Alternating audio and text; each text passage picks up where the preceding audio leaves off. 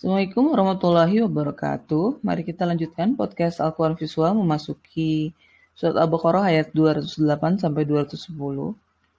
Apa yang dibahas di ketiga ayat ini? Sebelumnya kita akan lihat dulu sekilas apa yang telah dibahas di ayat 206 sampai 207. Kita tahu ayat 206 masih merupakan sambungan dari kumpulan ayat sebelumnya itu tentang orang-orang yang perkataannya tentang kehidupan dunia menarik hati. Padahal mereka adalah sebetulnya orang-orang yang um, berbuat kerusakan di bumi. Dan Allah memerintahkan orang-orang beriman untuk mengatakan atau menasihati mereka agar bertakwa kepada Allah. Dan jika orang-orang itu mengambil uh, harga diri dan dosa, maka Allah menyatakan bahwa uh, hisap bagi mereka adalah jahanam dan itu adalah seburuk-buruknya tempat istirahat. Jadi seperti yang kita sudah bahas gitu bahwa orang-orang yang buat kerusakan di bumi itu tidak bisa dibiarkan, harus dinasihati. Dinasihatinya juga dalam konteks yang lebih kompleks ya, bukan hanya sekadar menyoroti isu yang dia lakukan, tapi juga kepada ketakwaan kepada Allah dan ini nggak gampang gitu ya, nggak mudah. Dan bukan suatu persoalan yang sepele, makanya orang-orang beriman itu dipersiapkan untuk bisa mengcounter attack orang-orang yang seperti ini yang berbuat kerusakan di bumi. Jadi beriman itu bukan sekadar mengakui saja Tuhan itu ada atau sekadar menjalankan ritual, tapi lebih dari itu gitu harus berbuat sesuatu untuk mencegah kerusakan di bumi.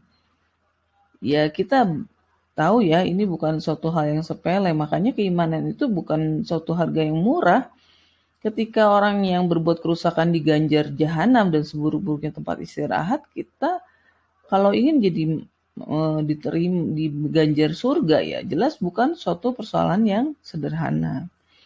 Lalu Allah menyatakan bahwa di ayat 207-nya ada manusia yang menjual dirinya sendiri demi mencari keriduan Allah. Nah Allah penuh kebaikan penyantun kepada hambanya. Jadi lawan dari mereka yang uh, bicaranya menyenangkan hati tentang kehidupan dunia adalah orang yang tidak peduli lagi dengan urusan dunia karena mereka sudah menjual dirinya sendiri demi keriduan Allah. Ini ya hal-hal yang berat sekali ya semakin kita mempelajari kita akan sadar bahwa Al-Quran itu bukan sekadar mantra-mantra yang dihafalkan untuk menyenangkan atau menenangkan hati tapi ada beban yang harus kita lakukan, ada hal yang harus kita kerjakan, dan ini nggak gampang. Kita masuki pembahasan ayat 208 sampai 210, kita bacakan dulu ketiga ayat ini. أعوذ بالله من الشيطان الرجيم يا أيها الذين آمنوا ادخلوا في السلم كافة ولا تتبعوا خطوات الشيطان إنه لكم عدو mubin. Wahai sekalian orang-orang yang beriman, masuklah dalam Islam secara kafah dan tidak mengikuti langkah-langkah setan, memang dia bagimu musuh yang nyata. Bacakan ayat 29.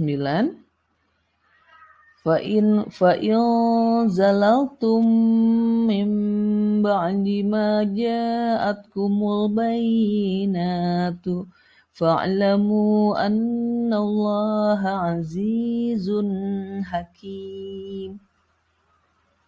Maka jika kamu tergelincir dari setelah apa yang datang padamu, bukti nyata, maka ilmui bahwa Allah paling perkasa, paling menetapkan hukum. Bacakan ayat 210. Hal yanzuruna illa an ya'tiyahumullahu fi dhulalim minal ghamami wal malaikatu wa qudiyal amru wa ilallahi turja'ul umur. Apakah mereka menunggu kecuali bahwa datang pada mereka awan dalam bayangan dari awan-awan dan para malaikat akan ditetapkan urusan perintah dan Allah kembali urusan. Kita lihat dulu apa yang telah kata dan frasa yang telah muncul sebelumnya di ayat 208. Frasa pertama adalah ya ayyuhalladzina amanu. Frasa ini merupakan fasa keenam. Seruan kepada orang-orang beriman dikaitkan dengan masuki Islam dengan kafah. Jadi setelah sebelumnya ada lima seruan Allah kepada orang-orang beriman. Terakhir adalah membahas tentang perintah untuk menegakkan kisos ya. Nah, itu adalah hal-hal yang jadi ada lima hal gitu yang memang harus dipersiapkan orang-orang beriman untuk sampai memasuki Islam secara kafah. Dan ini bukan persoalan yang mudah ya, karena ya itu setiap tahapan yang sudah dibahas, setiap seruan yang Allah bahas itu berarti memang seperti anak tangga yang memang harus dikerjakan. Kita tidak bisa melewatkan satu tahapan gitu. Dimulai dari mendengarkan Rasulullah, lalu dilanjutkan lagi ke tahapan-tahapan selanjutnya. Nah, ini tahapan yang sudah pasti fix gitu ya. Kita nggak bisa tiba-tiba masuk ke Islam secara kafah sebelumnya kalau kita belum pernah mendengarkan Rasulullah gitu. Jadi dan kita juga tahu bahwa ayat ke, tentang keimanan sendiri, seruan kepada keimanan itu memang baru dimulai di ayat 104 surah Al-Baqarah. Berarti pemahaman tentang keimanan kita harus sudah selesai dulu. Nah, Inilah yang menjadikan Al-Quran itu adalah jalan hidup, suatu uh, jalan setapak yang harus diikuti. Dan kita nggak bisa lompat-lompat semau kita. Jadi kalau kita pengen jadi orang yang kalau ada yang membahas tentang akhirat itu menangis gitu ya, kita nggak bisa tiba-tiba ke sana gitu karena akhir tentang puas tentang akhirat banyak di akhir-akhir dari Al-Qur'an. Untuk bisa sampai ke sana kita harus mulai dulu dari pembahasan tentang keimanan dan apa yang kita lakukan dalam uh, memenuhi seruan Allah. Itu yang proses yang panjang gitu. Jadi ketika orang menangis, mengada-ngada kesedihan gitu, mengada-ngada ketakutan terhadap sesuatu hal yang dibahas di belakang Al-Qur'an karena akhirat tuh lebih banyak dibahas tentang di akhir-akhir Al-Quran ya. Jadi itu adalah suatu proses yang panjang gitu. Yang kita tidak bisa langsung menimbulkan rasa takut begitu mudah gitu. Jadi ini adalah suatu perjalanan yang panjang yang kadang-kadang manusia itu tidak sadar bahwa untuk sampai sana ada prosesnya sangat panjang termasuk seperti ketika memasuki ayat 28 surat Al-Baqarah ini yang seruan ke-6 yang berarti kita harus lulus dulu dari seruan 1 sampai 5. Yang jadi masalah sudah lulus belum gitu ya. Ya tapi ya sudah gitu ya kita setidaknya kita tahu flow-nya, kita coba untuk kerjakan gitu sejauh ini kita pahami dulu maksud Allah ke mana. Seiring dengan perjalanan pemahaman kita ya kita akan berusaha mengamalkannya. Lalu kata selanjutnya ada uh, adkhulu, kata masuki sebelumnya dikaitkan dengan tempat, kota, surga dan masjid. Nah, jadi kenapa di ayat ini dikaitkan dengan Islam? Yang muncul hanya dalam satu kali ya dalam bentukan yang ini.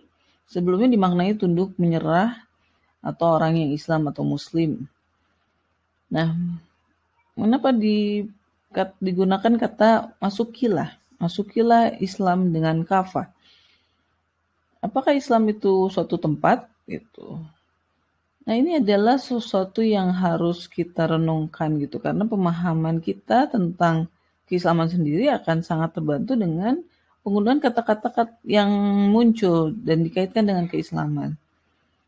Jadi kalau kita diperintahkan untuk memasuki seperti memasuki suatu tempat, berarti Islam itu adalah suatu bisa dimisalkan e, sebagai suatu tempat yang di dalamnya kita harus mengikuti aturan-aturan di dalamnya, tunduk dengan sepenuhnya.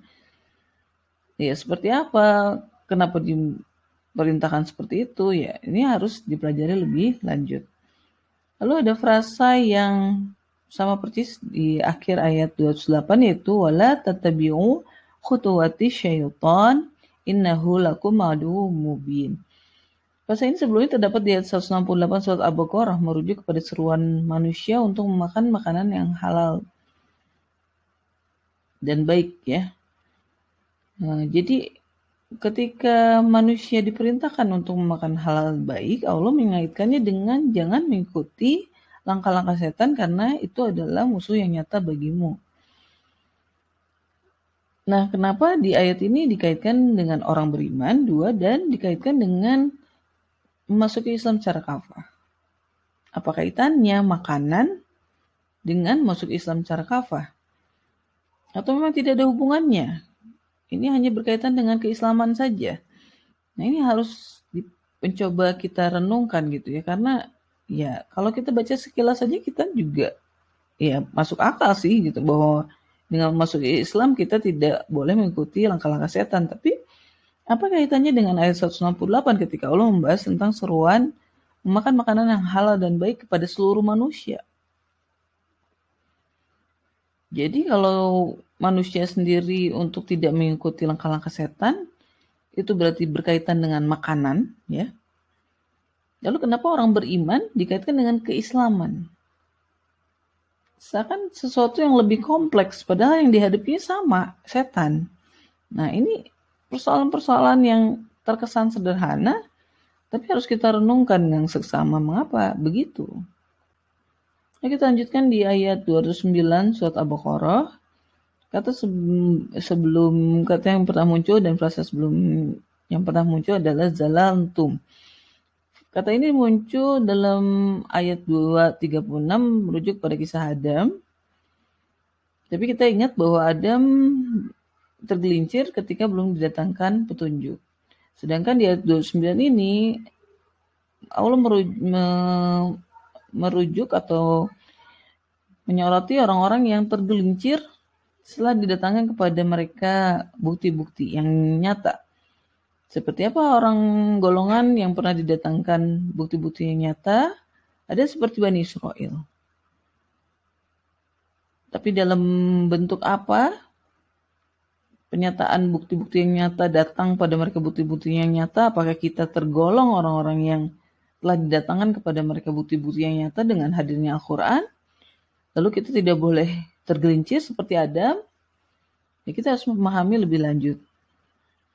Tapi intinya bahwa eh, ketika kita sudah um, mencoba untuk meneguhkan diri menjadi orang-orang yang beriman, itu berarti kita menerima bukti-bukti nyata dari Allah,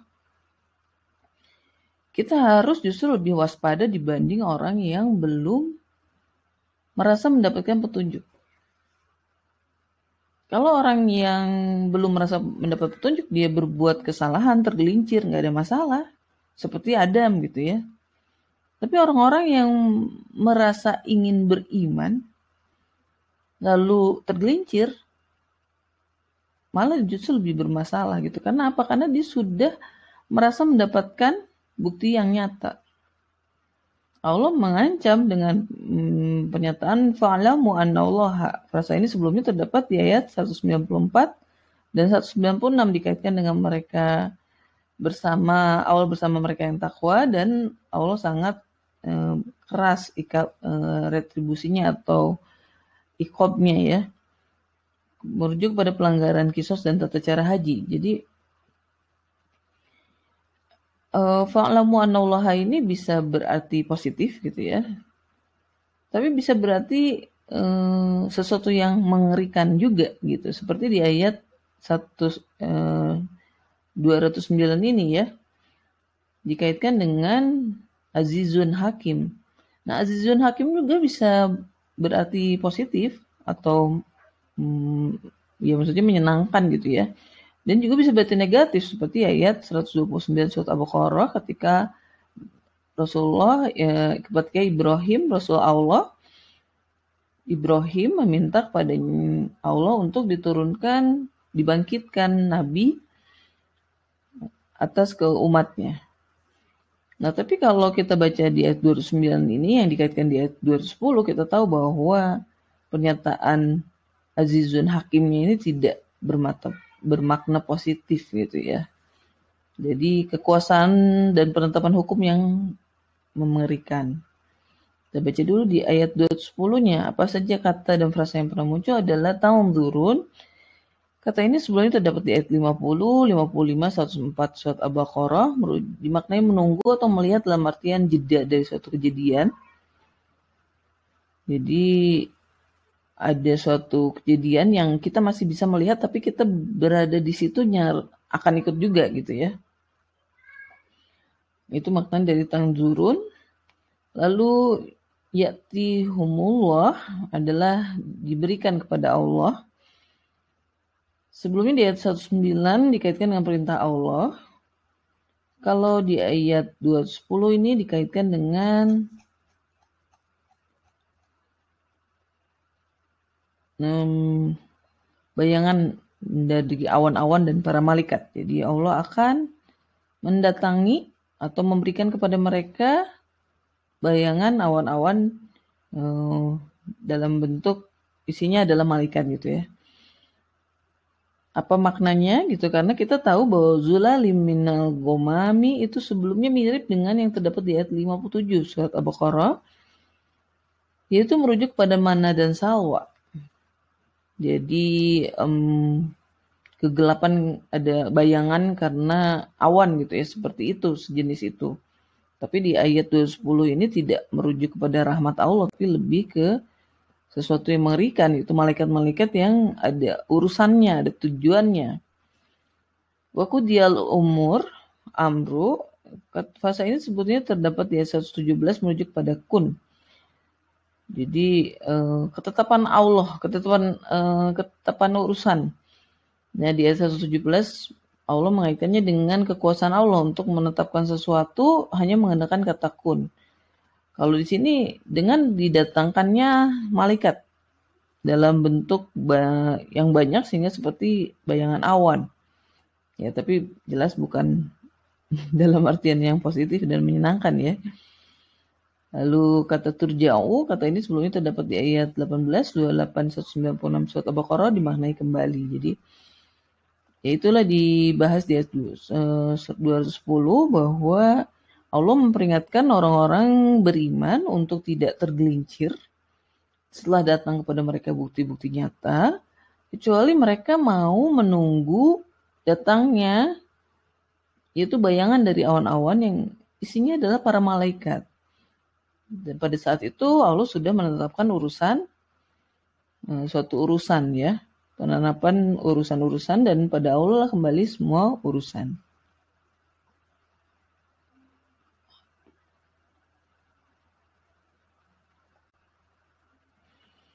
Nah, kesimpulannya adalah setelah sebelumnya manusia diperintahkan tidak mengikuti langkah setan, kali ini orang beriman diperintahkan hal yang sama tapi dikaitkan dengan memasuki Islam secara kafah. Jadi seperti yang tadi kita sudah pahami itu bahwa apa kaitannya sama-sama untuk tidak dilarang mengikuti langkah-langkah setan, tapi sebelumnya ketika manusia dikaitkan dengan memakan makanan yang halal baik, mengapa di ayat 208 ini dikaitkan dengan masuk Islam cara kafah?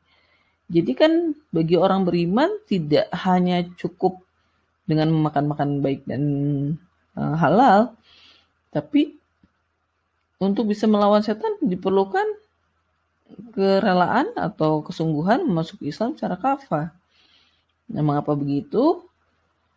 Ataukah maksudnya ketika Allah menyuruh orang-orang manusia untuk makan makanan halal baik itu hanya permulaannya saja? Awal untuk memulai suatu langkah tidak mengikuti langkah-langkah setan sehingga ketika untuk mengikuti untuk tahap selanjutnya tidak cukup hanya dengan makan halal baik, tapi juga membutuhkan memasuki keimanan dengan keislaman dengan kafah. Ini hal-hal yang harus kita pelajari lebih lanjut. Kesimpulan keduanya adalah apa makna dari frasa bahwa Allah paling perkasa, paling menetapkan hukum yang dikaitkan dengan orang yang beriman yang tergelincir. Tentu maknanya dikaitkan dengan ayat selanjutnya seperti yang kita pahami gitu ya bahwa Allah paling perkasa, paling menetapkan hukum ini bisa bermakna positif yang menyenangkan sehingga ada Rasul, diturunkannya Rasul, dibangkitkannya Rasul yang fungsinya mengajarkan manusia menuju kebaikan, tapi juga dikaitkan dengan ketetapan-ketetapan Allah yang juga mengerikan seperti yang kita bahas di ayat 210. yang jika pada ayat 2 Al-Baqarah 57 bayangan awan dikaitkan dengan rahmat Allah, mana dan salwa pada ayat ini dikaitkan dengan ketetapan Allah yang buruk. Yaitu para malaikat yang datang untuk menetapkan suatu urusan terhadap orang-orang beriman yang tergelincir. Jadi ayat ini memang uh, agak berbeda ya dengan ayat-ayat sebelumnya yang lebih seperti menyeru, tidak kayak memaksakan gitu ya. Tapi di ayat ini udah mulai serem-seremnya muncul gitu. Bahwa oh kita harus memasuki Islam secara kafah dan ada konsekuensi jika kita tergelincir setelah mendatangkan petunjuk. Ini justru malah membuat kita harus sangat berhati-hati gitu karena ya ternyata ketika kita memutuskan untuk memasuki Islam secara kafah, justru bebannya semakin berat gitu. Kita nggak bisa seenaknya aja. Ah nggak apa-apa lah. Toh kita udah masuk Islam gitu ya. Ternyata justru dengan keinginan kita untuk menjadi orang yang beriman, tanggung jawabnya semakin berat dan konsekuensinya juga semakin berat. Jadi pikir-pikir dulu gitu ya, pikir-pikir dulu tuh masuk ke jadi orang beriman karena nggak semudah yang kita bayangkan. Seperti yang kita dibahas di ayat 208 sampai 210 ini. Sebelum kita tutup pembahasannya, kita bacakan lagi ketiga ayat ini. A'udzu billahi minasyaitonir rajim. يا أيها الذين آمنوا ادخلوا في السلم كافة ولا تتبعوا خطوات الشيطان إنه لكم عدو مبين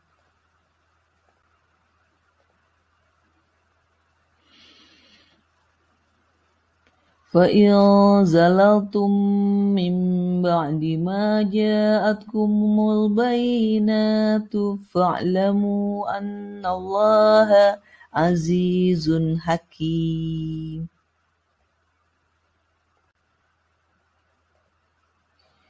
هل ينظرون إلا أن يأتيهم الله في ظلل من الغمام wal malaikatu wa qudiyal amru wa ilallahi turja'ul umur. Sadaqallahul azim. Assalamualaikum warahmatullahi wabarakatuh.